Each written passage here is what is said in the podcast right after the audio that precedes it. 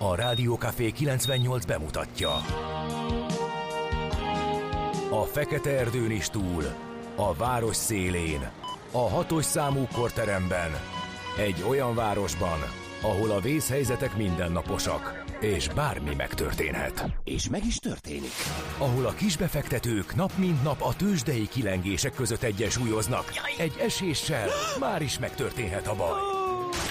Segítség! Csak négy doktoron múlik a biztos felépülés. Doktor urakat várják a négyes műtőben. Egy fáradt, de mindenre elszánt és profi csapat vigyáz az egészségre minden reggel. És kik ezek a kitartó szamaritánusok? Négy orvos, egy módszer és egy bögre kávé. Ács Gábor, Gede Balázs, Kantor Endre és Mihálovics András. A főorvosi szobából pedig Profit professzor adja a helyes diagnózist. Humor, emberi sorsok, közönséges balesetek és profi megoldások. Néha sürgősségi, néha félig zárt osztály.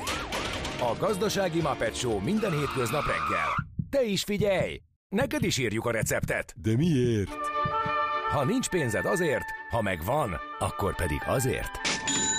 Millás reggeli. Egy kis kanállal minden reggel, és minden rendben lesz.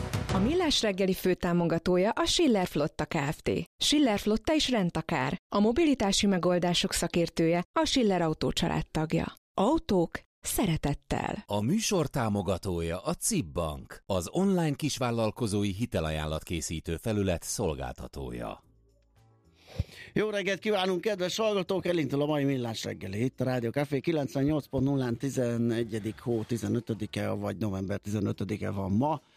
Pontban fél hét, és mit kell még tudni, hogy szerda. Meg azt, hogy itt van Ács Gábor. Meg, igen, meg hogy a rendre, rendmániás kollégáktól De mentsen, ha ezt, mentsen ha, ezt meg me, minket ha ezt megértem, valaki. ha ezt Hát megértem, a- hogy mennyivel vagyunk bejebb, hogy valaki e- esténként szépen elpakol, kihúzogatja a füleseket, és szépen elpakolja egy dobozba. Miért? Hát azért, hogy itten idegeskedjünk és össze-vissza És ugye nem kapkodjunk, azzal amikor- kezdünk, hogy megnézzük, hogy be vannak-e dugva a fülesek. Nem. nem próbálunk Készülünk a műsorra. Igen, és amikor eljön az ideje, és felkaptád a fülest, és azt látod, hogy nincs, és kezd már bennek a szignálok, és körmödre ég az indulás, akkor jön a kapkodás és az idegbaj. Én ezt nem értem. Na Hát mindegy. nem mindegy, hát, az, arra sem nehezen jöttem rá, hogy éppen szerda. melyik mikrofonnál állsz, úgyhogy mert hogy a, Hát egy, azt azért lehet látni. hát csak igen, csak a kettes számú eltűnt a sülyeztőben, és már azt hittem, hogy a kettesnél vagy, mert hogy ez Hova lett? Hát oda, hát ez az. Na Ja, mindegy, lényeg mhm. az, hogy megtaláltam, Hát, de ugye tegnap nem- a négyest ne- választottad, mert eleve be voltam zavarodva, és a kettesnek meg a hűlt helyét láttam csak. Hát Úgyhogy igen, mert uh, mindig a sötétben bújkálunk. mert Ez igaz, ez vannak igaz. ilyen fényérzékeny kollégák, akik Lehet, hogy nem lehet lámpát kapcsolni, mert jaj. És akkor persze, hogy nem látjuk, hogy hol van a mikrofon Jaj, gyerekek, elismerem, hogy milyen nehéz az szerepe, élet. Aprócska szerepe akár ennek is lehetett abban, hogy nem Egy vettem észre. aprócska hogy- szerepe, de hogy egy fekete állvány a fekete stúdióban nem látszik. Hát, Lényeg az, hogy a piros fény szépen megvilágítja az orcádat, és így a sötétben valahogy így hangulatosabb. Baka körülmények így a stúdióban. Igen. Na, ebből a hallgatók semmire semmit nem látnak, szerencsére, Á. meg nem is éreznek, meg talán nem is érdekli őket. Úgyhogy itt az ideje, hogy ezt itt le is a mondatnak a végét én még nem mutattalak be, szóval Gede Balázs Igen. áll velem szemben. Viszont Morgós Szerda jegyében Na. Ó, hát gondoltam. Ezt már befele jövet, amikor tudtam, hogy topik lesz, Gyuri meg is írta. Na, Könyörgöm, tanuljuk már meg használni a ködzáró fényt. Nem véletlenül ez a neve. Mi az a körzárófény? Hát ami a... Hogyan lehet a ködöt elzárni? Po, nem, a sort zárod valójában, ugye? Tehát a hátsó ködlámpa laikusul, ami nem hátsó ködlámpa, hanem, hanem Aha. ködzáró fény, és mindig az utolsónak kell csak bekapcsolva lenni, hogy ne fussanak bele a kocsisorba az illetők. Ha egyedül mész, akkor egyedül nyilván. Uh-huh. De amikor utolérsz valakit, akkor még mindig tartod, és amikor téged utolérnek, szépen lekapcsolod, és majd világít a mögötted lévő. Tehát ennek nagyjából ez a rendje, de nem, ilyenkor mindenki mindent bekapcsol, világít, az is előveszi az autóját, aki amúgy nem használja, és rettentő óvatos, ezért a 70-nél 48-al megy, hogy nehogy megcsusszon, uh-huh. és ilyen, ilyen az a tapicskolós fékezős, tehát lejtős úton egy, mint egy 48-szor megnyomja egy 600 méteres szakaszon a féket, úgyhogy Aha. vannak ám nagyon különleges autós társaink az utakon, úgyhogy erre is figyeljetek, az időjárásra is, mert azzal együtt tényleg óvatosnak kell lenni, mert ez a vékony, nedves, tehát nincs nagy eső, de az a jó kis nyákás zsúzos az útfelület, úgyhogy eh, mondjuk az elővigyázatosság indokolt. Mert hogy elment az, az esőzóna, és szép derült idő van, úgyhogy nagyon kellemes napsütés vár ránk majd, ha, Majd ha föl kell a nap. egyszer, igen, igen. igen. De most már az a világosodik itt a stúdióban is, úgyhogy most A kedves hallgató. Sári lánya kérdezi, hogy morgós szerda van é. Hát Igen. ahogy hallhattátok, és hogy belekezdtünk, ezt már nem tudjuk nem annak nevezni, meg visszacsinálni, úgyhogy egy kicsit Így van. igen. Tartom még egy beismerő vallomással. Én lehet, én nem, nem mennék a sor végén a ködben. Úgyhogy nem menni, ez nem kérdé, választás kérdése. Hát de rájöttem, hogy azt sem tudom, hova kell bekapcsolni a hátsó ködlámpát. Na. Hú, kartár csak, vannak, vannak nehéz problémák. Mi? Vannak. Igen, igen, majd megmutatom. Vedd Jó, elő a, igen. a Fiat Users manuált, ott van Na. benne a kesztyűtartódban egy jó vastag könyv, és keresd meg a kötvényzáró fény Hát, kapcsoló. Nincs ott a szemüveg mellette, az sem működik olyan egyszerűen. Ó, gyerekek, vannak vagyok. Na jó. Azt mondja, hogy morgós, jó reggelt, kartársak, durva elalvás tényálladéka áll fenn. Most fogok csak indulni. Mi lesz ebből? Hát az lesz Kérdezi. ebből, hogy végre egy kicsit későbbi Igen. időpontot is meg fogunk tudni, már a forgalom élénkülésével párhuzamosan is meg tudjuk, a- nem vág elé a sűrű forgalomnak dékartás, megnézzük, hogy majd akkor mennyi az idő, várjuk az információt. Úgyhogy hajrá! Igen. Mérnök azon morog, hogy uh, álljunk meg egy szóra, egyre gyakrabban hallom már műszaki és értelmiségi, vagy műszaki értelmiségi körökben is a lentebb, fentebb szóhasználatot. Szerintem ilyen nincs, lejjebb van, meg feljebb. Hát ennek én se jártam utána, nekem is, ö, nekem is furcsa, mert az utóbbi időben tényleg elharapózott, ö, és én ezt most nem merem nagyon állítani, hogy ez mm, teljesen helytelen, vagy, ö, vagy nem, de amúgy én sem szeretem.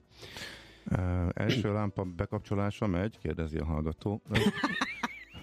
Bekapcsol magától szerintem. Amikor Valami, Igen, azt egyszer bekapcsolták egyszer a, nekünk, amikor átvettük az Igen, autókat, igen, erre az igen. automatára, és azóta szerencsére Ács Gábornak nem kell hozzányúlnia. Persze, hogyha reflektorozni kell, akkor biztos bajban van, mert Ellenben, ha már tényleg ennyire elmegyünk hülyébe, akkor még egy, van nekem egy első világ problémám, Na, hogy ezt is szó szerint fordítsam. Uh, mit lehet csinálni a Hát ez most Google vagy Microsoft, ezt most nem is tudom. Kidobálja föl nekem itt a fotókat, amikor bekapcsolom a készüléket.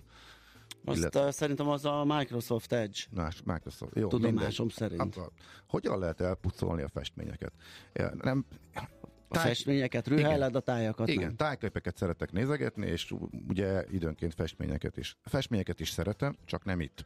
Ö, Az, hogy azt mondom nek, az összes fest, festményre azt mondtam, hogy nem tetszik, a képeknek a nagy részére meg az, hogy tetszik, az nem volt elegendő, annál inkább festményeket dobál föl nekem. Akkor mi jelentősége van annak, hogy mit mond az ember, hogy tetszik vagy nem tetszik? Na mindegy, nem értem a logikáját az egésznek.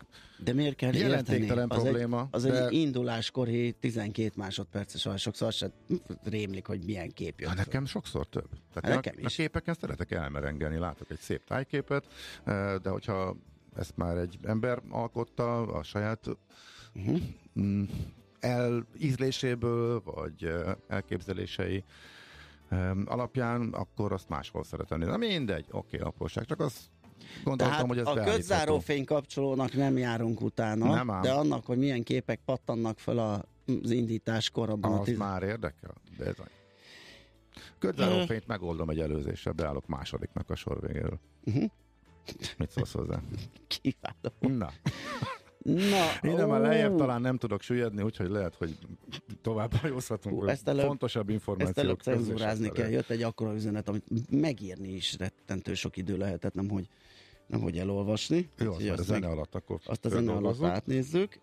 Megköszöntjük közben az Alberteket, Lipótokat, nagy szeretettel, és még azon nevek viselőit, akik itt a naptárban felelhetők, például Hajnácska, Ladomér, Ángyán, Leopolda, Leopoldina, Marinus, Polda, és még sok furcsa név.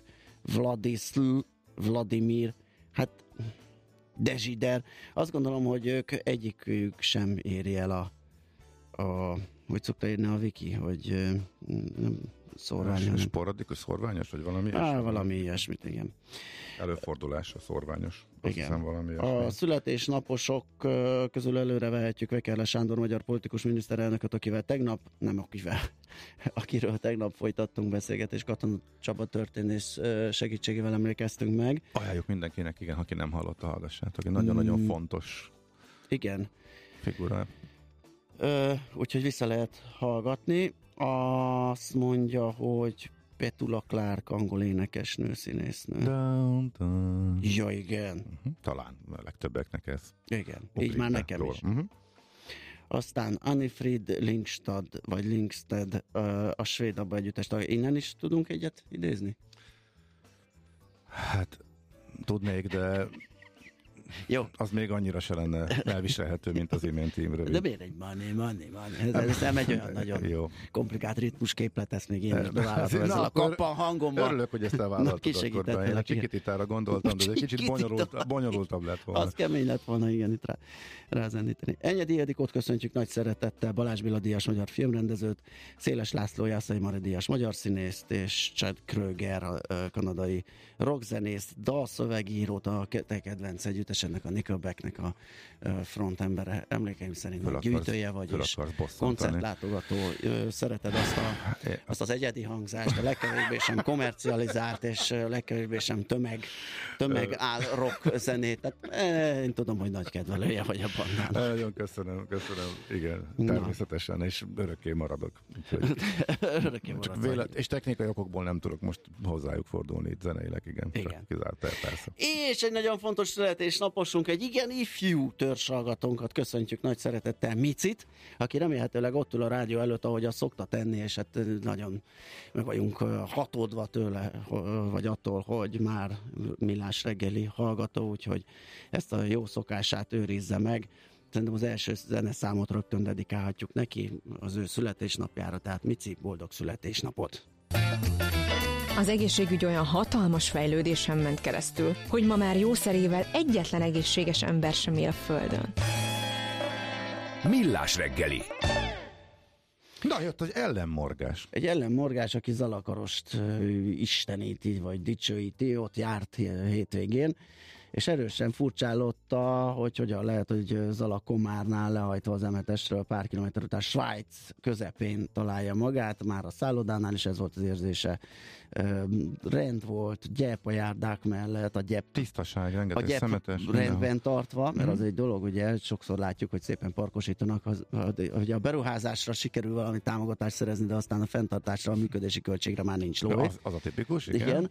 Igen. Na most itt nem így volt, járdák mellett közterület meg volt fésülve, minden fűszál egy irányba, hullóőszi levelek gondosan elrendezve, a járdákat övező sövény egyenesre nyírva, és még sorolja mindenféle jóságot, járdák mellett 30 méterenként szemetes rajtahamutartó, nem volt szemét, úgyhogy fürdőben, pénztárnál is erősödött a svájci hangulat, mert hogy az öltözőszekrények kiosztásánál már csak abban volt kételje, hogy a beléptető karszalaggal vezérelt szekrények svájci, vagy inkább japán tervezésűek-e. A fürdőben rend, tisztaság mindenhol még úgy is, hogy szabad hely szinte sehol nem volt.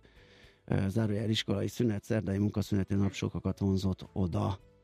Na hát örülünk, hogyha ilyen jó tapasztalatokkal telt a Nekem hétvége. ennyire nem tűnt föld, voltam ott pár éve, de a rend és tisztaság, és az, hogy nagyon jó élmény volt, az nekem is meg volt, mert nekem egy jó 20 éves ugrás után jártam arra újra, és az óriási volt a különbség, akkor még az a, Mhm. a szerintem, hogy a szociál lepukkadás idejében uh, ugye mindig is ismert fürdőhely volt, uh, volt egy, egy látogatásom, úgyhogy igen. De egyébként uh, vannak még szerintem azért uh, hasonló helyek, de jó, hogy a hallgató ezt is megírta. Abszolút, igen. És egyébként valóban hála az égnek egyre több olyan hely akad, ami, ami már egészen Más olvastam. tehát tapasztalatod viszont az volt, hogy eh, azért eh, árértékarányban meg nem biztos, mert hogyha nincs meg az ilyen szintű érték, eh, akkor az árak akkor emelkedtek, hogy eh, Ausztriának úgymond a Magyarországhoz legközelebb eső, Abszolút legfejletlenebb területén, akár alacsonyabbak is lehetnek, mondjuk Igen. Ilyen wellnessezős szinten, hogyha valaki, e, igen, és ott e, vannak e, nagyon szép fürdők. Hogyne. és e, ugye a Hundertwasser féle... Így van, hát az remek. Kiváló. Igen, az egy nagyon komoly konkurencia, az egy nyugat-magyarországi. És ahova egyébként nagyon drága a belépő, de viszont a szállás meg minden úgy kompenzálja, hogy az összcsomagod, ugye pont ott jártam pár hétvégével Mhm. ezelőtt, eh, az gyakorlatilag teljesen versenyképes egy hazai wellness Tehát oké, okay, nincs egybeépítve mondjuk, mert hogyha abba a szállodába vész, ami a Hundertwasser fürdő területén Aha. van, akkor az egy kicsit gatyaszaggató. De hogyha máshol oldod meg, egy jó reggel is kényelmes kis, kisebb szállodába, és átjársz a fürdőbe, akkor teljesen jó árba ki lehet ezt hozni. Na, de na. Ez, ez nem alapszemle volt, ezt a hallgatót szemléztük, de tök jó, hogy ezt felvetette. Viszont megnézzük gyorsan, hogy mit írnak a ma reggel. Mi érdekességeket találtunk a ma reggeli lapokban. Igen, hát azokat éppen most találjuk, vagy legalábbis én, te lehet, hogy már előre dolgoztál, úgyhogy a portfolio.hu-n nézem ezt a mai vezetőt, a reggelit. Erős megállapításokat tett az Európai Bizottság úgy vizsgál, uh-huh. új vizsgálata Magyarországról, de van előre lépés. Azt mondja, hogy a, az ellenőrzésük már, ben már rengeteg előrelépést lát a magyar közbeszerzési eljárásoknál, sőt az elmúlt évek egyeztetései alapján is pozitív trend rajzolódik ki. A kormány és a hatóságok bőven hoztak intézkedéseket a brüsszeli aggályok kezelésére. A lap birtokába jutott bizottsági értékelési anyagban a hatóságok és a kormányzat házlépéseit, intézkedéseit egyes területeken proaktívaknak tartják, de a bizottságnál úgy látják, hogy még rendszer szintű szabálytalanságok vannak, hát akkor ezek csak ilyen apró lépéseknek tűnnek, mert a rendszer szintű szabálytalanság az elég súlyos ítélet. Szóval ezekről lehet, ezekről a megállapításokról a portfolio.hu-n olvasni ma reggel. Um, ugye a Budapest rovatba gondoltam, hogy majd szóba kerülhet, de akkor ide kapcsolódik, akkor ide vigyeztem, ugye elég nagyot megy most a um, sajtóba az, hogy az integritás hatóság egy ilyen elég látványos korrupciósnak tűnő ügyben közbelépett, és uh, miután nyilvános a, nyilvánossá uh, tették a bejelentésüket, uh, nagyon érdekes bepillantást nyerni abba, hogy egy ilyen elég egyértelműnek tűnő helyzetben, amikor az atlétikai világbajnokság szervező cége a korábbi ár többszörösen, sokszorosán kezd el versenybírókat képezni, majd nem derül ki, hogy egyáltalán képeztek, lett ennek valami eredménye, és ezt mondjuk a leköszönő elnök az utolsó napján köti ezt a hatalmas szerződést, szóval ez a kilóg a lóláb kategória, és ezt követően följelentés, rendőrségi nyomozás, és a rendőrség semmit nem talál, és lezárja a nyomozást. Hát ilyet már látunk egy csomót. Viszont jön az integritás hatóság, amelynek a háttere annyi, hogy azért állították föl, mert kell az uniós pénz. Tehát ez az egyik vállalás volt az uniós pénzek elérése érdekében a magyar kormány részéről, és nem csak úgymond kormány által delegált figurák vannak benne, és az a hatóság elnöke vendégünk volt valamikor tavasszal. És Hát az indulás körül, ugye, amikor Igen, összekalapálták a hivatalt, ott a, már Igen. pár hónapja működött, akkor És is azt mondtuk, hogy hát kíváncsian várjuk, hogy lesznek-e konkrét ügyek, amikor, amikor ők ebbe beleállnak és belépnek, és hát ez, ez most elég látványos. De az, hogy le van írva, hogy, hogy, hogy nyilvánvalót sem lépte meg a rendőrség, tehát azt sem nézte meg, mennyibe kerül egy, egy ilyen versenybírói képzés korábban. Ki se, ha meg se kereste a, a tanúkat, a potenciális érintetteket. Tehát nagyjából tett az egészre is lezárta egyrészt sokkoló, másrészt viszont jó hír, hogy, hogy ebbe az integrális hatóság belelépett. Na most, ez, hogy ezt hogy értékeljük, és most folytatódik a nyomozás, elég érdekes ügyről van szó. Kíváncsian várjuk, hogy mire fut ki, de hogy ez most megint valami, ami ment a maga útján, vagy pedig fölmerül, hogy csak föl tudjunk megint valamit mutatni Brüsszel felé, hogy jobban nézzen ki a dolog, és inkább a pénzek felé elmozduljanak, hogy jobb értékelést adjanak. Hát ezt persze senki nem tudja, hogy ennek van-e, vagy lehet-e egyáltalán ilyen háttere, csak az elmúlt évek tapasztalatai alapján ez is fölmerülhet az emberekben. Na mindegy, ezt a történetet is több sajtótermékben el lehet olvasni, nagyon érdekes. Minden esetre a lényeg az, hogy az integritás hatóság itt ebben az ügyben közbelépett, és lesz nyomozás, és érdekes lesz látni, kíváncsian várjuk, hogy hova fut majd ez ki. Az Economics-on olvasom, hogy a borászok szenvednek a hulladékgazdálkodási szabályozással. Uh-huh. Ugye és nem az az elsődleges problémájuk, hogy jelenlegi formájában egészen biztosan betartatlan. Gondot sokkal inkább az okozza, hogyha nem sikerül finomítani a szabályokat, akkor a, az a sok vagy kis borászatok végét jelentheti. Ezt a hegyközségek nemzeti tanácsának elnöke mondta, Fritman János, és vele lehet olvasni az Economicson egy Hát ez nem interjú, csak idézet abból, hogy uh, hogyan látják a, a, a borászok a helyzetet, és hogy mennyire nehezíti meg az életüket ez az új hulladék gazdálkodási szabályozás. És egy fontos hír a 24-ről, távozik az orvosi kamara elnöke, Kincses Gyula e, nem lesz tovább ez, ő egyébként ezt bejelentette, illetve a Facebook oldalán jelentette be, de még csak itt láttam, hogy megjelent volna. Nem külső nyomás, illetve a tagság bizalmát is élvezi az orvosi kamara elnöke állítása szerint, viszont a november 25-én esedékes választáson ő már nem indul újra úgyhogy uh, rengeteg minden változott, sok mindent elért az orvosi kamara a mostani elnökségével. Az egy komoly frissítés volt az előzőhöz képest, erről beszél, ugye erre emlékezhetünk. Jelenlegi felállásban tehát nem fog működni tovább, Kincses Gyula távozik, ez a fontos információ.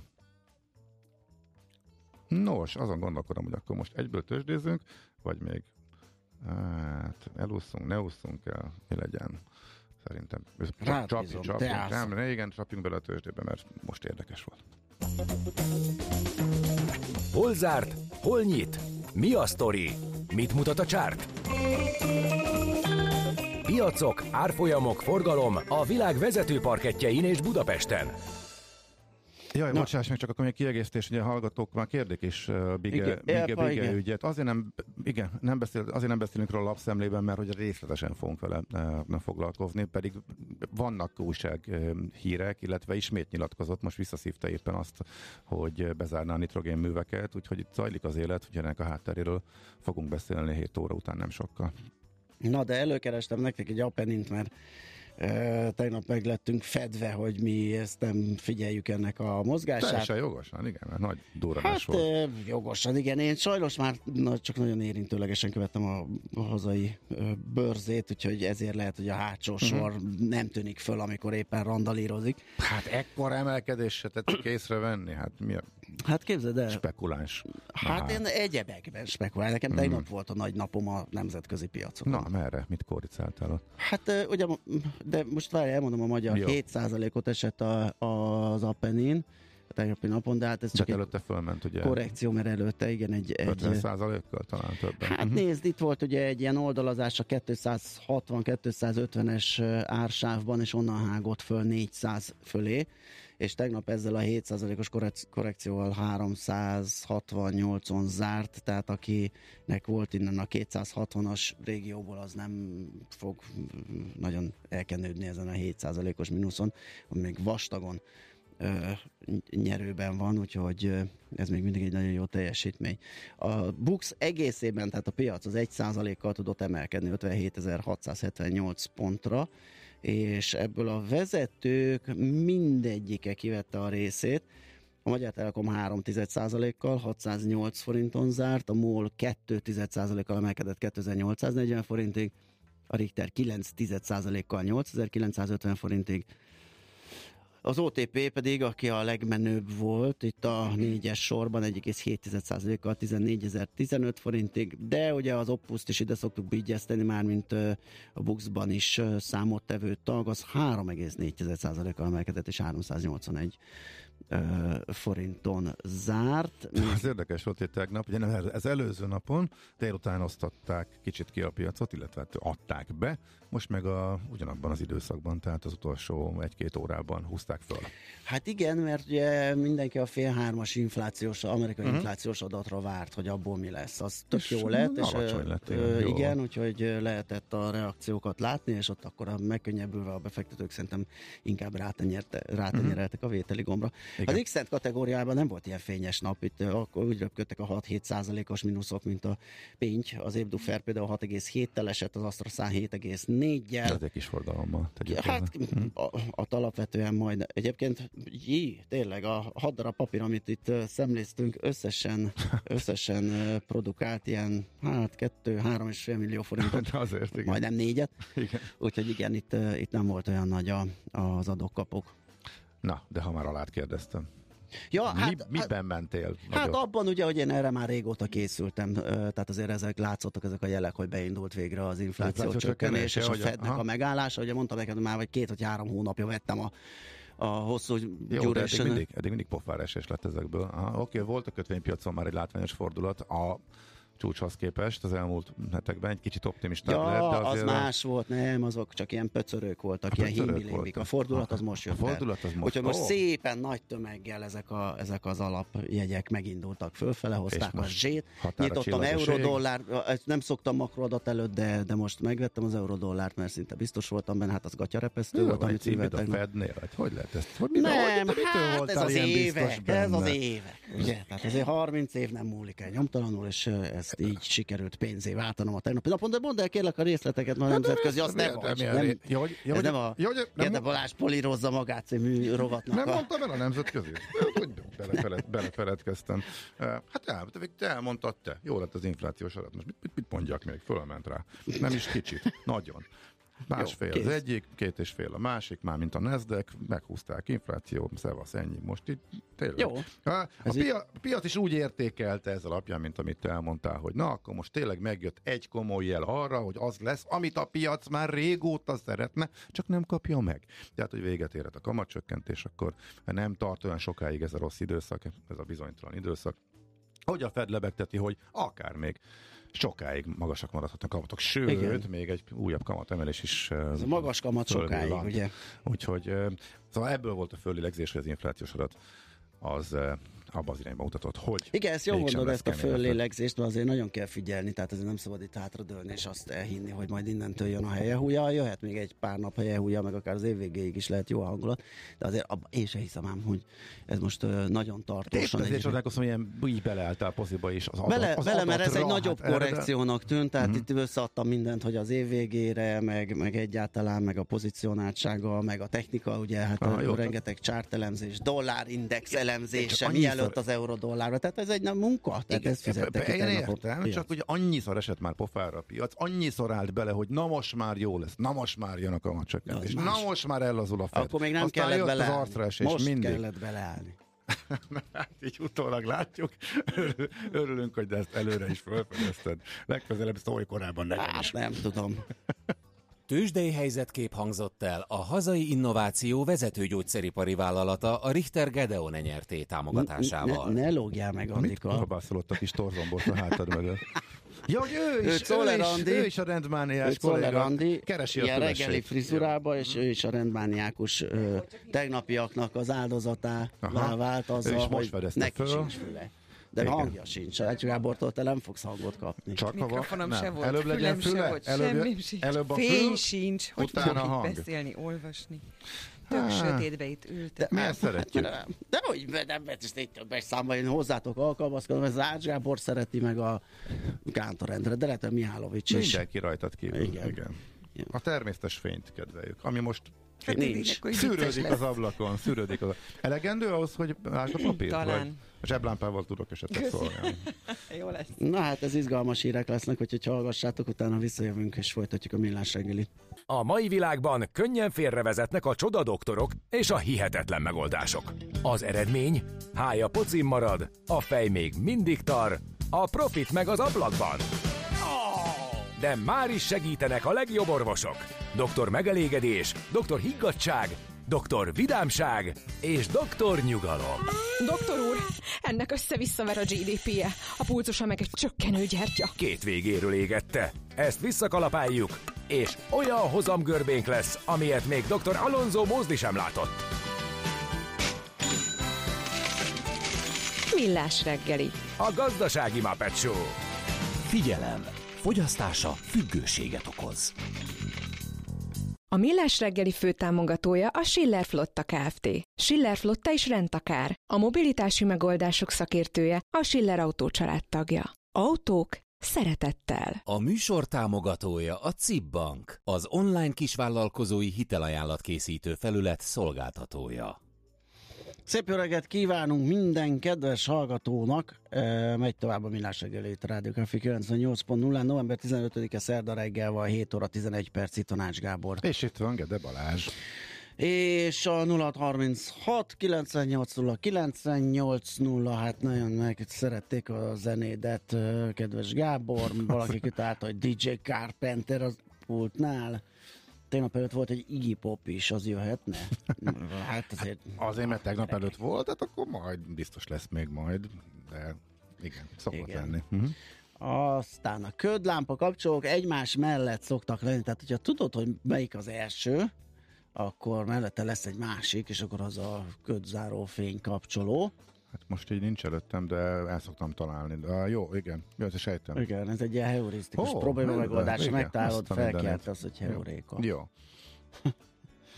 Azt mondja, hogy eh, plusz egy szavazat a hírek utáni zenére szerintem mástól kaptuk a panasz. Nem jött most panasz. De nem volt megosztó ez a zene. Alapvetően Igen, olyanok írtak, vagy igen, az Biztos lehet, az volt, csak... Biztos az volt, csak nem, azok nem írtak, azok akik fenn, azon hát igen. puffogtak, hogy na hát már megint ilyen zenét Egyébként onnan jutott eszembe, hogy nézett a gyerek valami filmet, amiben ilyen zene, zenefeldolgozások is vannak, és hatalmas vigyorral fedezte fel, hogy ez is benne van. Ú, nem tudom, Bono is énekel benne, és ilyen, nem, nem, nem tudom, csak fél dolgoztam, és csak egy háttérben láttam. Ha valakinek ennyiből esetleg eszébe jutna, hogy mi lehet ez az animációs film, akkor, akkor megírhatja, de nekem csak ennyi emlékem van róla, hogy ez, ez a dal ez benne volt.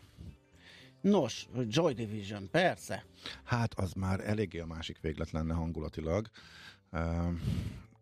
Az még megosztóbb szokott lenni, hogyha az érfelvágós kategória, az, az, az, nem, az ritkán használják a hallgatók pozitív értelme, értelemben. No, én például tökre szeretem nyilván. Na jó, szerintem rendeztessek meg a hallgatóságot budapesti hírekkel.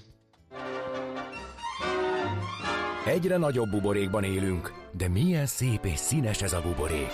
Budapest, Budapest, te csodás! Hírek, információk, események, érdekességek a fővárosból és környékéről.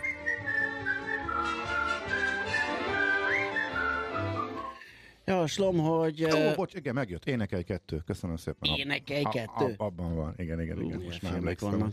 Uh-huh.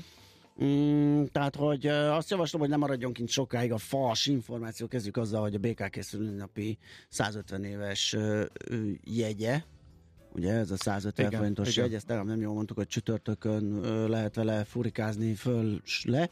Ez november 17-én pénteken. Így van váltható, és ezzel lehet emlékezetessé tenni az ünneplést, hogy felülünk egy trollira, és megyünk egy kört 150 forintért, vagy bárhol, bárhova. Azt is lehet, hogy akár oda, ahova éppen dolgotok van, tehát nem csak mm-hmm. célú azt mondja, hogy... Új kerékpáros útvonalak és kiváló. biztonságosabb lesz a közlekedés. Óbudán komoly fejlesztéseket jelentett be a BKK. Ja, igen, hitohidig így is lehet fogalmazni. Margit Árpádig egészen konkrétan természetesen miután Óbudáról van szó. Az Árpád fejedelem útján épülő eh, kerékpá, kerékpározható útvonal teremt új kapcsolatot a két híd között.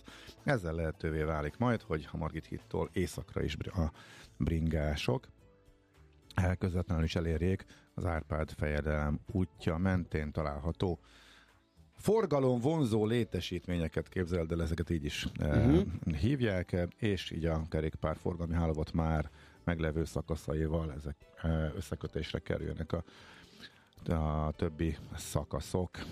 Az építési munkák és a forgalomtechnikai beavatkozások keretében a Serfőző utca Árpád fejedelem útja kereszteződés is átalakításra kerül. Ez egy eléggé veszélyes kereszteződés volt, és különösen sok bringás baleseti történt ott, úgyhogy ez teljesen átépítik ennek a projektnek a keretében a részleteket el lehet olvasni a, a BKK oldalán is. Aztán a Budapesti Atlétikai Világbajnokság szervező cégének volt vezetője Dajcs Péter az utolsó munkanapján még kötött egy jó nagy értékű, de több szempontból problémásnak tűnő szerződést. ezt, ezt mondtam el az a lapszemlébe, tudod, hogy a, Igen, és egy hallgató írta, hogy hogy em, két oldal van minden szerződésnél, hogy az Atlétikai Szövetség oldaláról, pont ez is probléma, hogy maga a rendező, tehát a atlétikai VB rendezőszervben részesedése van az Atlétikai Szövetségnek, tehát gyakorlatilag a saját tulajdonosával, eleve a saját tulajdonosával kötött, eh, kötötték ezt a szerződést, ami önmagába fölvet több kérdést, és akkor szerintem ennél jobban nem is érdemes. igen, indult egy nyomozást, megszüntették, de Mhm. ugye, amit említettünk, az integritás hatóságot ö, új nyomozás indítását kérték, igen, így áll most az ügy. És van egy nagyon csúnya ügy Zebegényben, amikor a képviselőtestület olyan szinten nem tudott együttműködni a polgármesterrel, hogy ez a bulvárhír kerekedett, hogy a polgármester egy ollóval szúrta meg az egyik képviselőt. Ha valaki ér- kíváncsi a rendkívül szomorú hátterére, akkor a Telex cikkét ajánljuk.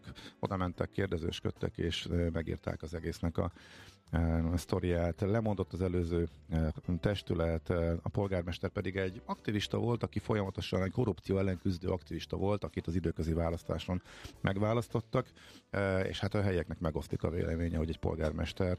eh, Polgármesterként is, ha ugyanezt folytatta, akkor ez összességében jó-e? Sokan összeférhetetlenek gondolják, mások meg tökre örültek, hogy végre egy ilyen eh, polgármestere van a falunak, de a a testület elkezdte, eh, hát ami jogi lehetősége csak volt mindennel a polgármester ellen dolgozni, megvonták a fizetését, eh, pereskedésbe fordult ez, amikor már látszott, hogy mentális problémái vannak, akkor annak ink- még inkább rátettek egy lapáttal, és eh, ennek végül is a kicsúcsosodása volt az, hogy bódult állapotban a polgármester asszony hát olyat tett, ami eh, nyilván nincs magyarázat. Igen. Szóval az ebegényi történet hátterét azt a Telexen lehet elolvasni. Nekünk a Gellért hegy a Himalája. A Millás reggeli fővárosi és agglomerációs infóbuborékja hangzott el. Ha három orvos vizsgál meg három beteget, az azt jelentheti, hogy kilenc különböző vélemény hangozhat el. Millás reggeli. Na, ugye többen kérdeztétek a lapszemlénél, hogy hát és a bigével nem is foglalkozunk, meg a nitrogén művekkel, hát azért nem, mert egy külön blokkot szenteltünk neki, hogy megpróbáljuk megnézni annak a hátterét, hogy mi történik a, a nitrogén művek környékén, milyen pozícióban van a cég, mi történik, hogyha esetleg tényleg bezár, mint egyetlen műtrágya gyár itt a környéken, mi történik, ha működik, mert ugye Bigel László meg azt mondja, hogy elveszíti a versenyképességét azokkal a plusz terhelésekkel, amiket a gyára róttak. Úgyhogy egy ö, faramúci helyzet, Braun Müller Lajossal próbáljuk ezt tisztázni az agrárszektor.hu főszerkesztőjével. Szia, jó reggelt! Szia, jó reggelt kívánunk a hallgatóknak is. Na hát az egész onnan indult, hogy neked nyilatkozta azt néhány nappal ezelőtt eh, Bige László, hogy eh, annyira veszteséges így már a plusz rárakott terhekkel a gyártás, hogy ő leállítja a 91 néhány éves nem gyárat. Aztán tegnap ismét beszéltél vele, de másoknak is nyilatkozott, de mintha ott már más mondott volna most. Mi az utolsó, hogy akkor leállítja, nem állítja? Akkor induljunk innen, aztán utána megnézzük Hát a vagy lehet, hogy az alapproblémától egy picit hátrébb talán, hogyha ezt a plusz széndiokszid kvóta terhelést, tehát hogy mi, mi váltotta ki ezt a problémát, ami lehet, lehetetleníti uh, Bigel László szerint a Igen, működésüket. igen. Próbáljuk meg széndiokszid kótával felébreszteni a hallgatókat. Kiváló lesz. kávé esetleg Igen. ne, nem elég. Nagyon-nagyon rövid leszek, ígérem. Az a lényeg az egészben, hogy a nagyon nagy széndiokszid felhasználó gyárak Európába kapnak ingyenesen kiosztott kvótákat, és ugye ezekkel a kvótákkal adott esetben egy másodpiacon kereskedhetnek is. Bonyolult rendszer, a lényege az, hogy ugye rászorítsa ezeket a nagy széndiokszid kibocsátókat, hogy lehetőleg fogják vissza magukat, és azért annyira mégse tegyék tönkre a légkört, mint amennyire szeretnék.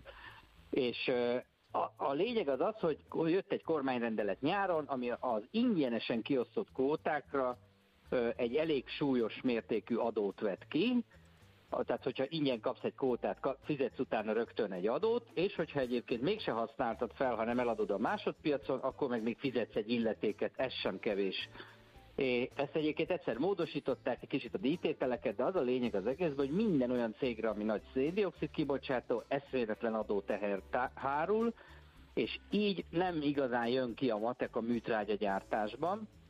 Ezt mi egy ideje már tudtuk, és ugye próbáltuk az agrárszektor és a portfólió közösen egy kicsit pedzegetni, hogy ez akkor hogyan hat a piacra, és hosszas, nem is tudom, kap- kapirgálás után ugye eljutottunk oda, hogy Miguel László azt mondta, hogy ez olyan mértékű veszteséget okoz neki, hogy leállítja ezt a gyárat. Egyébként itt van egy leállás november 6-a óta, ami Mhm. kvázi ilyen karbantartásszerű leállásnak van eladva, de ez egyáltalán nem egyértelmű, hogy ez karbantartás, tehát nem olyan, nem olyan egyértelmű ez a dolog. És ugye a, a hír az az volt, hogy azt mondta, hogy nem is ö, indulnak újra, nem is biztos, hogy újraindulnak, nem egy-egy hónapos leállásról, hanem egy határozatlan idejű leállásról van szó, ami egyébként bizonyos fokig még ma is fennáll, tehát ma sem lehet tudni, hogy mikor indul újra ez a gyár.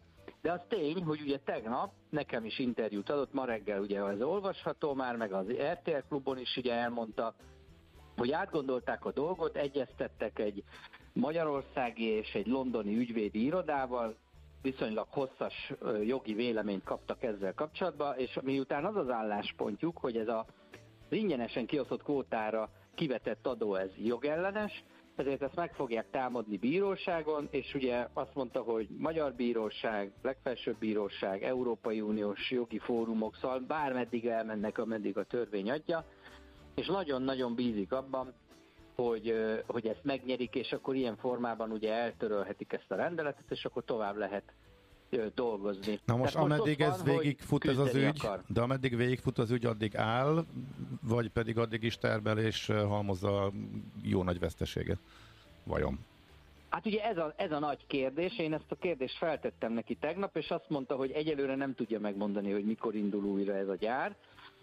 Nagyon-nagyon szeretne termelni, valószínűleg a következő hónapokban elgondolkodik azon, hogy termeljen valamennyit, főleg azért, mert ugye nem lehet ezeket az embereket szélnek ereszteni, tehát ugye ott ő, ezt ő is mondta, hogy van körülbelül ezer alkalmazottja, na most ugye egy ilyen nitrogénbűveknél... Egy speciális szaktudás, igen. igen. Uh-huh. Hát igen, ugye nagyon komoly vegyészmérnökök dolgoznak, de én ugye azt szoktam mondani, hogy egy ilyen üzemben még a betanított munkás is nagyon komoly tudással Mhm. rendelkezik, szóval hogy ezeket nem lehet csak úgy leakasztani a szögről, és ugye őket célnek keresztít, egy ilyen ammóniagyár leáll, akkor azt az életben nem indítják már újra. Tehát lehet, hogy valószínűleg egy ilyen, nem is tudom, hogy fenntartsák egyáltalán a kohéziót így a csapatban, lehet, hogy azért valamennyit termelni fognak, meg nyilvánvalóan ő nekik vannak nagy készleteik, amiknek egy részét már értékesítették, egy másik részét végkiárusítás keretében értékesíteni fogják, meg ugye vannak neki külföldi kapcsolatai is, tehát valószínűleg a, a nitrogénművek ilyen értelemben működni fog valamilyen takaréklángon, meg lehet, hogy időről időre valamennyit termelni is fog jövőre, de jelenleg ez a gyár nem működik, és, egy, és az a lényeg, hogy nem nincs terve véve egy időpont, hogy mikor indul újra. Uh-huh.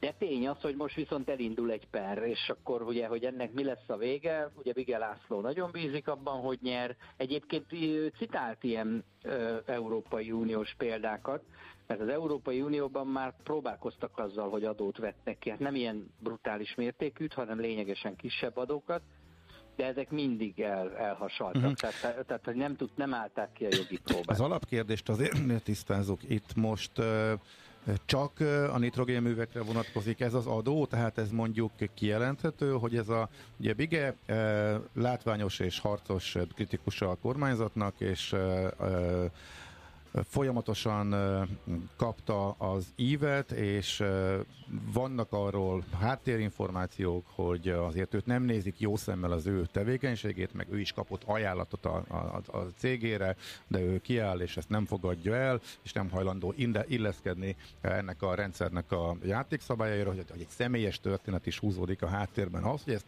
tisztázzuk, vagy hogy esetleg jobban érezzük, hogy valóban ez áll a háttérben, azt lenne jó tudni, hogy ez a büntetőadó az kimondottan az ő cégére vonatkozott, csak úgy alapították meg, eh, tehát hogy őt hozza nehéz helyzetbe, vagy mondjuk másoknak is problémát okoz, vagy mondjuk ez mondjuk tényleg látványosan egy bigére kirót eh, adó volt, hogy őt ellehetetlenítse. Hát ö, is is. Az a lényeg, hogy mindenki, aki nagy fel, széndiokszid felhasználó és ingyenes kvótára jogosult, és legalább a a felhasználásának a felét ilyen kvótákkal le lehet fedni, az bizony ö, ilyen adót kell, hogy fizessen. De itt ugye egészen más tevékenységet ö, végző gyárakról van szó. Tehát például mondjuk ilyen petrokémiai üzemekről, általában mindenféle vegyipari üzemekről, akiknek egyébként ez biztosan probléma, ugye az ő esete az azért speciális, mert ő az egyetlen műtrágyagyár Magyarországon, uh-huh. és mivel más országokban ilyen adóteher nincsen, ezért most az a helyzet alakul ki, hogy gyakorlatilag Európában az egyetlen műtrágyagyár, akinek ilyen horror adót kell fizetni, az a nitrogén, nitrogénművek. Uh-huh. Tehát, hogy ilyen értelemben valóban speciális az ő helyzete. Én biztos vagyok benne, hogy ő, ő találva érzi magát emiatt. Egyébként hát nézd... más cégeknek is kell ezt fizetni, de, de az nagyon fontos, hogy vannak piaci információk arról, és én most itt cégeket nem fogok megnevezni, de vannak piaci információk arról, hogy különböző cégek egyszerűen tudod, mint amikor a nyuszika oda megy, hogy nem húznál le a halállistádról, szóval, hogy kértek mentességet, és azt és meg is kapták. Aha. Hát jó, hát egy, igen. És magában az a kérdés, hogy azt föltesszük, hogy van egy műtrágyagyára a cégnek, a magyar mezőgazdaság szempontjából nagyon fontos, hogy ezt termeljen, és mégis kap egy olyan adót, ami durván veszteségessé teszi, Hát ez eléggé magáért beszél. Tehát eh, innentől közben mindenki tényleg azt gondol bele, amit akar, hogy ez most eh, célzott volt, vagy volt-e, volt-e ennek oka, vagy hogy mi állhat a háttérben. Eh, ez azt is jelenti egyébként, hogy ha lenne valamiféle kompromisszumkészség, és a kormányzat azt mondaná, hogy akkor ez csökkenti, vagy eltörli, egy pillanat alatt meg tudná oldani a helyzetet? Így van, így van, ez teljesen egyértelmű. Tehát a műtrágya gyártás az egy olyan amikor éppen nem olyan borzasztó földgázárak vannak, mint tavaly, akkor általában ez egy nyereségesre kihozható uh-huh. helyzet. Tavaly is egyébként sikerült végül is kihozni a nyereségesre, mert ugye általában a piaci árak is növekedtek.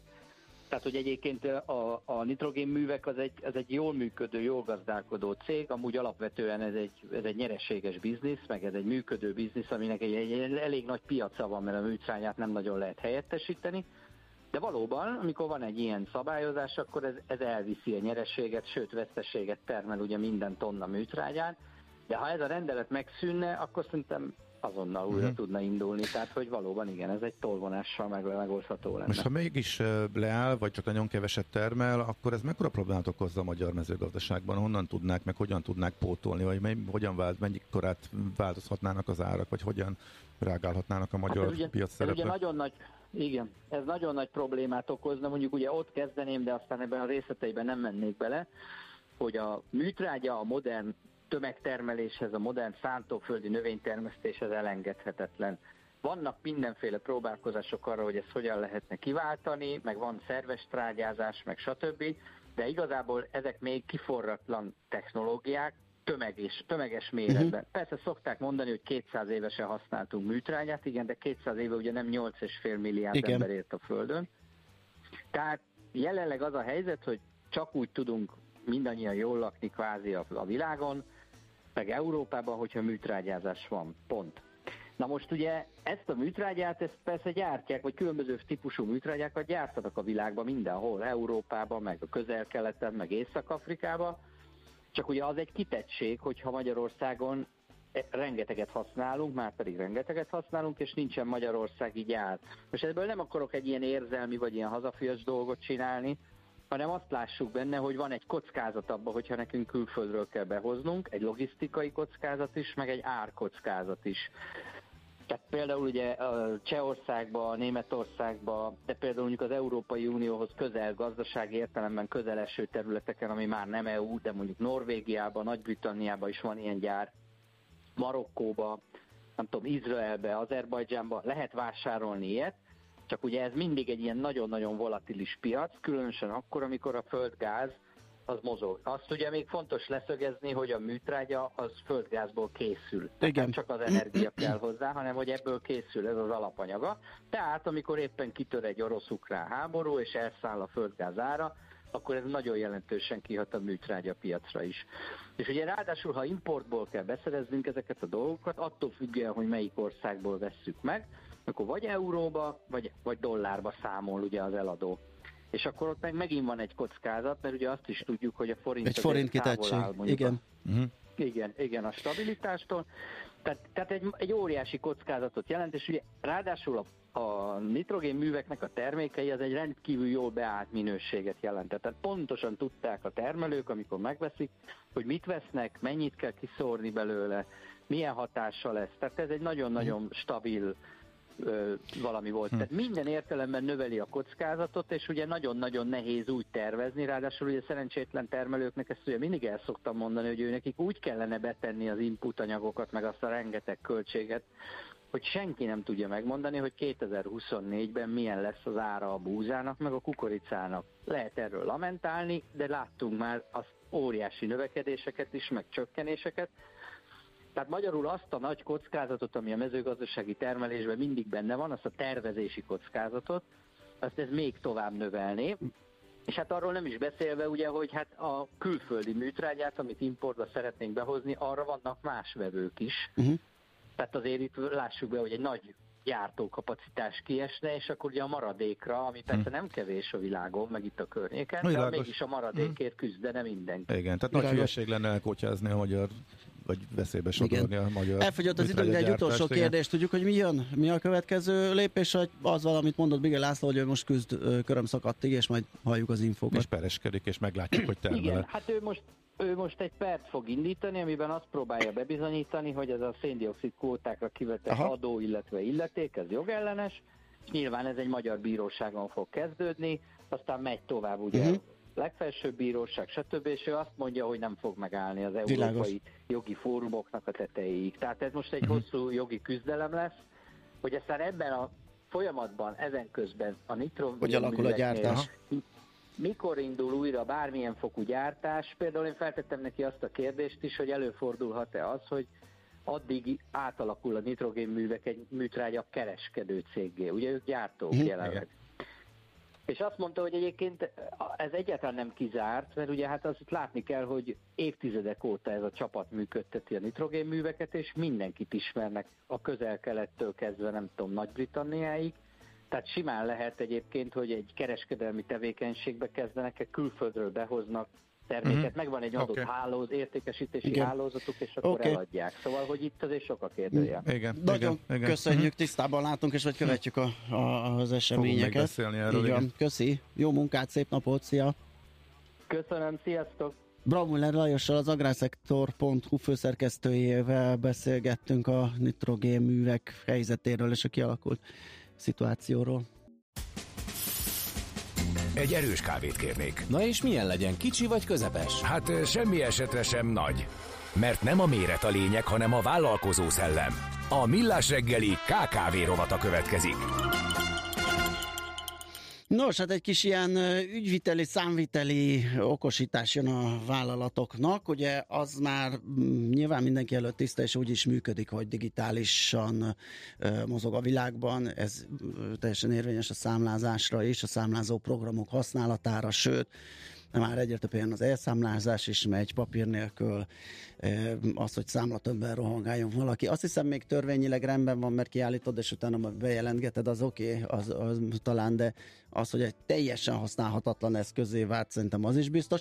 Tehát ezekről így szoktunk beszélgetni a kiállított számlákról, de a fogadott és a szállítói számlák kezeléséről arról kevesebbet, hogyha most erre fogunk valami megoldást keresni Láng József segítségével, az ABT Trajhan csoport adószakértő ügyvezetőjével fogunk beszélgetni. Szervusz, jó reggelt!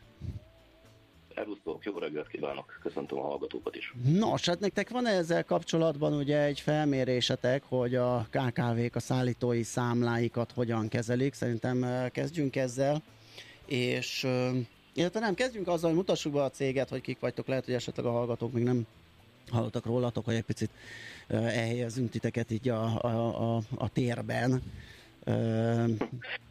Mit csinál az jó, hát ABT? egy pár dióhéjban egész tömören mi, ha nem hallottak rólunk a hallgatók, azt csak magunknak köszönhetjük, mert már idén 30 éve vagyunk jelen a, a magyar piacon. 93-ban alakult a cégünk, 60 munkatársal dolgozunk, és ezeket a klasszikus német nyelvzöveten Trajhannak hívott szolgáltatásokat nyújtjuk, könyvelünk, bérszámfejtünk, adótanácsadunk, ez kiegészül könyvvizsgálattal, illetve hát van egy ilyen listnek nevezhető szolgáltatás csomagunk is, amit inkább csak a nagyobb tanácsadó cégek szoktak nyújtani, ez a kockázatmenedzsment belső ellenőrzés, és ez kiegészül még egy szoftverfejlesztő csapattal is, akik együtt működnek különböző területekkel a cégen belül, és hát ennek eredménye lényegében egy olyan alkalmazás, amiről talán most egy pár szóval fogunk Aha. beszélni. Igen, a szállítói számlák kezelése, ez egyébként miért problémás, vagy problémás-e, és akkor itt esetleg erre a kutatásra rátérhetünk, hogy hogyan működik ez a gyakorlatban, mit csinálnak a cégek, és mit nem, azért, hogy ez ö, flottul menjen. Igen. Hát talán, hogyha egy kicsit kontextusba helyezzük ezt a dolgot, annyit tudok mondani, ugye, és ez talán ismert mindenki előtt, hogy 2018 óta van arra lehetőség, illetve van egy olyan törvényi kötelezettsége a vállalkozásoknak, hogy a kiállított számlákról valós időben online módon adatot szolgáltasson az adóhatóság részére, és ez a, a kötelezettség 2021-től egy jogosultsággal is kiegészült, és 2021 óta nem csak beküldeni kell ezeket az adott csomagokat, hanem le is lehet tölteni az adóhatóságnak a szerveréről. Ez ugye azért érdekes, meg azért izgalmas, mert ugye nyilván nem azt fogom letölteni, amit én küldtem be, hiszen uh-huh. már nekem rendelkezésre áll, hanem azt fogom letölteni, amit más küldött be az én eh, nevemre, tehát amikor kiállítanak egy számlát, és én, mint vevő szerepelek ezen a számlán, ezeket a számlákat tudjuk letölteni a NAV-nak a szerveréről, ráadásul eh, valós időben, tehát hogy eh, hamarabb érkezik, mert sok esetben a, ez az adatcsomag, mint hogy maga a számla megérkezne a vállalkozáshoz. És ahogy mondtad, igen, valóban végeztünk egy kutatást, mert arra voltunk kíváncsiak, hogy a, egyrészt az ügyfélkörünkben, másrészt ezt kiterjesztettük még körülbelül egy ilyen száz vállalkozással, ö, ők hogyan kezelik a beérkező számláikat. És hát nem meglepő módon azt a, azt a következtetést tudtuk levonni, hogy minél nagyobb egy vállalkozás, annál szofisztikáltabban kezelik ezeket a dolgokat. Tehát ha egy kicsi vállalkozás, egy mikrovállalkozás még sokszor annak ellenére, hogy a felvezetője mondtad, mert szinte minden digitálisan történik, mindig papíralapon eh, próbálják ezeket a számlákat jóvá hagyni, papíralapon meg tovább a pénzügy részére, könyvelés részére, de ha már van egy kicsit nagyobb szervezet, ahol mondjuk több jóváhagyó van a rendszerben, vagy, vagy mondjuk össze van kötve egy banki rendszerrel a, a, a, a, a ügyvitelük, akkor már azért fölmerül az, hogy, hogy valahogy másképp egy kicsit rendezettebben kezelik ezeket a számlákat. Aha. Tehát ez lehetővé tesz egy ilyen folyamatos kezelést, én azt gondolom, nem látva még ennek a működését közelről, hogy itt egyrészt időt lehet megspórolni, mert ahogy említetted, ugye akár előbb is megjöhet az a számla, mint hogy elküldenék. A másik meg az, hogy ez egy kupacban van, tehát egy folyamatban érkeznek a számlák. Most hirtelen így egy ilyen kereskedelmi cég ö, ugrott föl előttem a területi képviselőivel, akik így hordják be szét a számlákat, mindenki hoz valamit, éppen a partnertől ö, begyűjtve egyesével hányják ilyen kupacba a, a, a könyvelési osztályra, akik próbálnak rendet vágni. Gondolom ezt váltja ki ez a, ez a folyamat. Hát igen, tehát hogyha egy olyan rendszerünk van, amiben automatikusan megérted, úgy kell ezt elképzelni, mint hogyha egy, egy levelező programot képzelni magad elé, ahova a számla kiállítás, tehát a szállító oldaláról történő számla kiállítással szinte egy időben megérkeznek ezek a számlák, úgy, mint hogyha beérkező üzeneted érkezne a beérkező postafiókodba, és akkor onnantól kezdve ki lehet váltani, vagy el lehet indítani egy, egy jóváhagyási, eh, számlakifizetési, akár könyvelési folyamatot is. Tehát az valóban felgyorsítja az egész jóváhagyási folyamatot, illetve hát nincsenek elkalódó számlák, mert hát az egyik legjellemzőbb probléma, amire a kutatásban panaszkodtak a, a, az ügyfeleink, illetve a megkérdezett cégek, az az volt, hogy sok esetben nem találják meg azokat a számlákat, amelyeket ki kéne fizetni, vagy elindul mondjuk valakihez átkerül egy számla jóváhagyással, de ő azt nem teszi meg, asztalán marad, fiókjában marad, táskájában marad. Tehát ezek a jellemző sztorik, uh-huh. amik, amik megnehezítik mondjuk egy vállalkozásnak az életét. Itt azért nem tud előfordulni, mert az információ az automatikusan megérkezik, ez automatikusan benn van a rendszerben, mindenféle manuális munka nélkül, és onnantól kezdve kereshetjük, hogyha tudjuk, hogy mondjuk melyik szállítótól ki szokott rendelni, akkor megkérdezzük Jóskát Bélát, hogy légy szíves, mondjátok már meg, hogy nincsen véletlen a táskátokban egy száma. Tehát így a számla elkalódás az például az, az, az, az szinte kizárható. Ö, még az vilá... elindult Igen, Mhm. tessék csak, mondjad. E, Elindult egy jóváhagyó, tehát meg van határozva rendszer. Jóváhagyó. Tehát egy Ajjajjaj. Úgy valami történt a vonallal. Hú, nem tudom, itt most szakadozol, nem tudom, hallasz-e minket, jól? szakadozok. Igen, igen, Aha. úgyhogy Most, most jobban hallott? Jobb, igen. most úgy tűnik, igen, igen, az utolsó mondatot Jó, újra jó. Aha.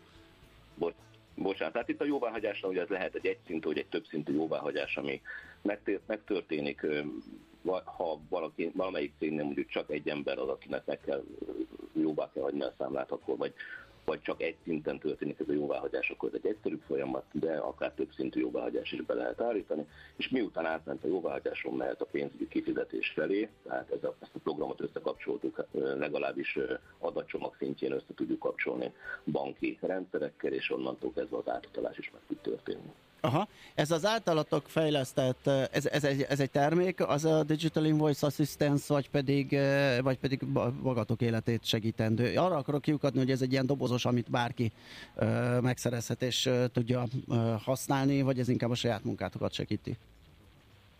Hát mind a kettő, tehát Mind a a, kettő. saját munkákat mindenképp. Az ügyfeleinknél ezt bevezet, nagyon szeretik. Egy rendezettség és azóta én azt gondolom, vagyis előszeretettel használják ezt. Másrészt meg úgy gondoltuk, ezt a könyvelési végig folyamatot, ez akár így magában dolog, tehát ez egy, ez egy megoldás, bár ez egy dolognak, Most sajnos megint, megint, megint szakadozol, nem tudom, hogy ez mitől függ, ezek a, hogy jó, odébb, ezek a jóvá, most jobb? igen, igen, ha kicsit odébb, vagy nem tudom mi. Az, a- az előbbi tudom, megoldás az jó volt. Vagyok, nem tudok sehova sem, nem akkor tudom miért, tudom. miért szakadodni. Tehát ezek a jóváhagyások akár mobiltelefonról mondjuk egy kávéházból is elvégezhetők, vagy este, hogyha az ember éppen még lezárja a napját, akkor még akkor Mhm. onnan is eh, maga a jóváhagyási folyamat az, az befejezhető. Egy utolsó kérdés gyors válaszsal, hogy honnan, honnan jött a probléma felvetés? Tehát ezt nem nagyon tudják a számlázó programok ö, ö, jól kezelni ezeket a folyamatokat, ez tűnt föl, és ezért fejlesztettétek ezt, vagy, vagy a tietek egyszerűen jobbnak tűnik mondjuk, mint egy beépített mi, mi, mi, mód? azt, mi azt tapasztaltuk, hogy az online számlázó programokba is be, letöltésre kerülnek ezek a beérkező Aha. számlák, csak ott megáll a tehát mi azt Aha. gondoljuk, hogy nem a, nem a szám önmagában a lényeg, hogy ott azt nézegessük, hanem hogy az indítson be egy folyamatot, Világos. indítson be egy jóváhagyási, egy kifizetési, egy, egy könyvelési folyamatot, és hogyha ezen a folyamaton végig tud menni a számla, akkor, akkor, az, akkor, az egész, akkor az egész ö, számlakezelési, beérkező számlakezelési folyamat egy rendszeren belül meg tud történni. Oké, okay, szuper, Kösz, köszönjük szépen, hogy beszélgettünk erről. Jó munkát, szép Én napot kívánunk. Szervusz! Szervusztok! Láng Józseffel az ABT Trajhan csoport adószakértő ügyvezetőjével beszélgettünk, alapvetően a szállítói számlák kezeléséről. Mindenki csak beszél róla, de nem tudja miért. Repkednek a buzzwordök, de nincs mögöttük tartalom. Mi segítünk eligazodni a digitális transformáció viharos tengerén. Digitális iránytű. A Millás reggeli digitális értelmező rovata. Na, egy kicsit rendet rakunk most, nem csak a fejekben, hanem a digitális térben, tárolóinkban, eszközöinken. Uh, ugye jön az év vége, csomószor így egy ilyen számvetéssel zárjuk az évet, hogy mi történt, mi az, amit megcsináltunk, mi az, ami esetleg felesleges volt, egy kuka. Na, ezt most így digitálisan is megvizsgáljuk. Pádár Péter segítségével a Magyar Telekom középvállalati és közigazgatási üzletág igazgatója van itt velünk. Szia, jó reggelt! Sziasztok, jó reggelt, üdvözlöm a hallgatókat is. Na, ezt hogyan, hogyan képzeljük, hogy lehet ezt felosztani? Egyáltalán kiket érint? Tehát mindenkinek van olyan mértékű, mennyiségű digitális hulladéka, amit így érdemes, amit megszabadulni, kicsit gatyába rázni, így a struktúrákat. Én azt gondolom, hogy igen. Ugye múlt héten beszélgettünk erről a bizonyos zeneipari ökológiai lábnyomról, hogy mekkora az ökolábnyom a, a zenehallgatásnak, és ott legalább egy aránylag hasznos tevékenységről beszélgethetünk, de ugye azt nem gondoltuk végig, hogy mennyi olyan digitális adatunk van, kvázi hulladékunk van, ami ugyanúgy energiát fogyaszt, van egy, egy footprintje, viszont teljesen haszontalan. Tehát, hogy igazából nem termel semmilyen hasznot számunkra, van valahol megkeletkező rólunk, vagy általunk, vagy a cégünk által megkeletkező digitális adat, ezt tároljuk, de igazából semmire nem, nem használjuk. Nagyjából három aspektusra lehet szerintem ezeket a digitális hulladékokat bontani. Ugye van a hardware, uh-huh. vannak a céges adatok, amiket jellemzően online vagy felhőben is tárolhatunk akár, illetve vannak a személyes digitális adataink. És szerintem mind a három esetében érdemes megvizsgálni az időt, az energiát, amit ráfordítunk ezeknek a fenntartására, illetve azokat az anyagiakat, amelyek ezeknek a fenntartásába kerülnek. Oké, okay, nézzük meg akkor a sorrendet betartva a hardware-rel. Gyanítom, itt ilyen rendszer fájlok, vagy, vagy ilyen töredék székek nem itt lehetnek, kimondottan vagy- a digitális hardverekre Ja, tehát gondolok. kon- Persze, konkrétan az konkrétan ugye ez a talán legegyszerűbb, hogy mindenki Ez által akkor leginkább igen. megfogható, hogy van egy, mit tudom én, egy használt telefonom, uh-huh. mindenkinek gyűlik otthon a fiókba. Én azt gondolom, hogy itt eléggé jó a, az a felelősségvállalás, amit látunk a szolgáltatók részéről, illetve a gyártók részéről. Tehát nem nagyon ismerek most már olyat, akinek ne lenne valamilyen uh, újrahasznosítási programja, visszagyűjti, Mhm. felújítja, újra rendszerbe rakja, tehát uh, működnek most már ezek a modellek.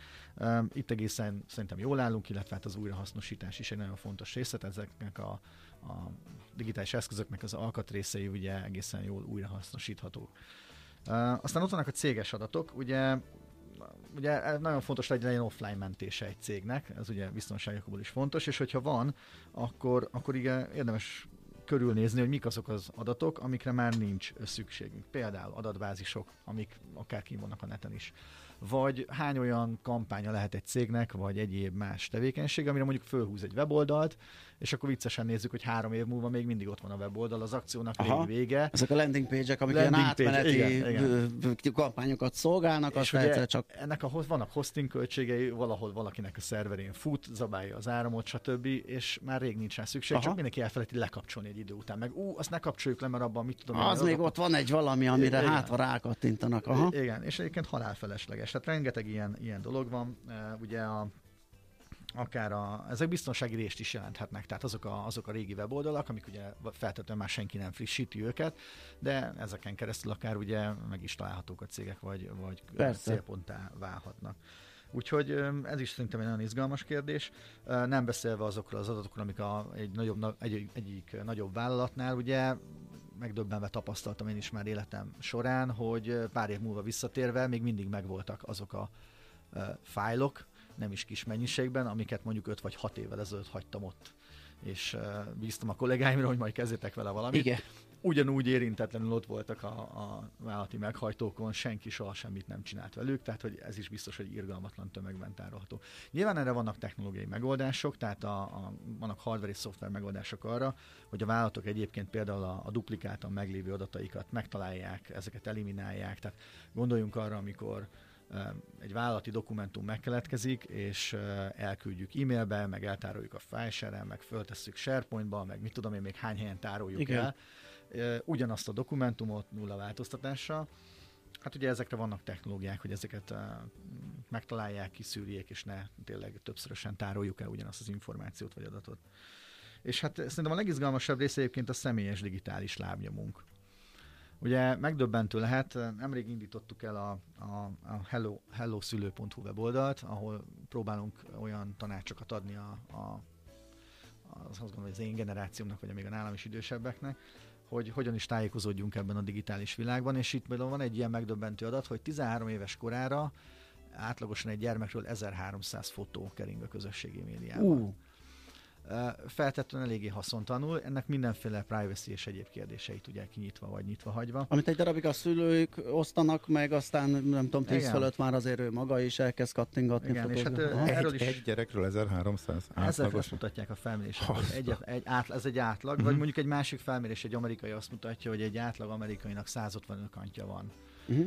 Mindenféle webes szolgáltatásokhoz. Ez már annyira nem lep meg, nekem van egy ilyen, ilyen védelmi rendszer a, a, a gépemen, ami néha így fölpattint, hogy már kéne egy kicsit kezelgetni a jelszavakat, van 83, ami ilyen elavultnak tűnik, és akkor nézem a listát, hogy Jézus Isten, hát én ezeket nem jártam már, nem tudom én mióta, csináltam egyet, mert valamire kíváncsi voltam, csináltam egy accountot, mert csak úgy jutottam be, aztán többet már nem néztem, és ezek rettenetesen tudnak gyűlni és duzzadni. És, és ugye jellemzően milyenek vagyunk, hát mindenhol kell egy jelszó, és hát Igen. esendőek vagyunk, ugyanazt a jelszót fogjuk Igen. többször felhasználni. Tehát ezekből a nem használt ökantokból egyet egyszer egy hacker feltör, akkor kérdés, hogy még hány más helyen fog Aha. olyan dolgokhoz hozzáférni, amiket nagyon nem szeretnénk. Tehát mindenképpen egy ilyen digitális nagy takarításkor érdemes átnézni, hogy ezeket az ökantokat használjuk-e, ha nem töröljük, inaktiváljuk. Nagyon érdekes az, hogy vannak olyan szolgáltatások online, amiket fel lehet bérelni azért, hogy nyomozzanak utánunk, de ezeket mi béreljük föl, megtalálják a digitális lenyomatunkat, és töröljék azokat az ökantjainkat, azokat az adatokat rólunk, amiket mi nem szeretnénk, hogy fel legyenek az interneten, vagy, vagy, vagy bármit ugye rólunk információként hordozzanak. Úgyhogy ezekre utána lehet nézni, és az a jó, hogy ezek általában adnak ilyen ingyenes guidokat is, hogyha valaki nem szeretne ezért előfizetni, akkor utána tud menni, meg tudja nézni, hogy milyen lépéseket tud tenni.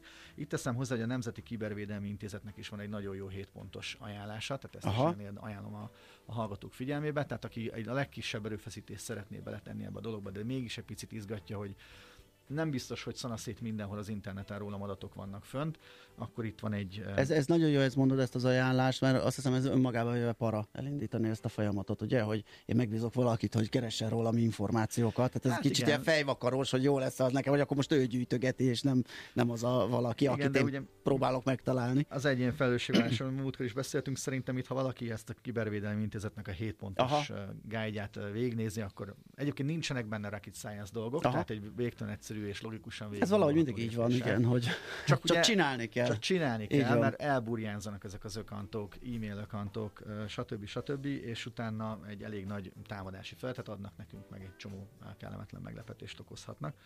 Úgyhogy ez nagyon fontos, illetve hát most itt csak így, mikor várakoztam kint, megnéztem, hogy nekem mekkora mondjuk a felhőtárhegy szolgáltatásom, mekkorára fizettem uh-huh. elő, és azért bár egyre nőnek ezeknek a méretei, így szerintem az a tapasztalat, hogy nagyjából egy külső HDD-n, egy külső adathordozón azért többnyire elfér az adat, ami rajta van. Tehát szerintem időnként érdemes letölteni azt, ami a felhőben van, kirakni egy valamilyen a külső adathordozóra offline, és megnézni, hogy biztos, hogy kell nekem az a csomag, amire előfizettem, itt ugye rögtön pénzt is tudok sporolni.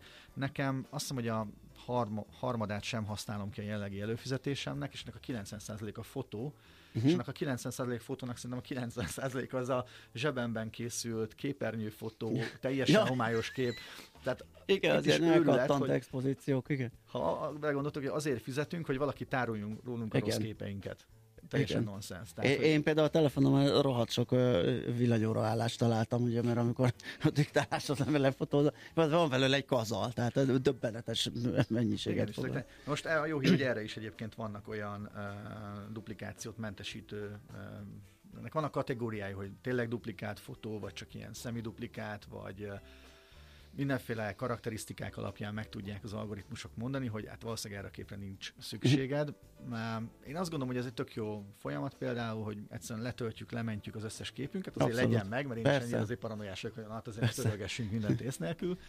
De ha letöltöttük, és utána ráengedünk egy ilyen AI-t például a, a, a cloudra, hogy nyugodtan szed le azt, ami szerinted hülyeség, megdöbbentő, hogy mennyi képet fog kiszűrni, és mennyivel egyszerűbb lesz azt a fotót a gyerekről megtalálni, amit tényleg keresel, mert a másik helyez, amikor keresel valamit, és a világén nem Igen. találod meg. Szóval hogy vannak ilyen jó kis tippek és trükkök. Én azt gondolom, hogy ezek tök fontos uh, dolgok lennének. Nyilván legjobb, ha valaki rendet tart és nem rendet rak, de így évvégével, hogyha majd a rossz idő is bekuckózunk, akkor érdemes szerintem ennek utána. Abszolút, nézni. nagyon jó tanácsok ezek, ugye, ahogy említetted, biztonsági rész is nekem közben eszembe jutott, hogy időnként ilyen GDPR problémákat is felvet, hogy milyen adatokat rakosgatunk, meddig és hol.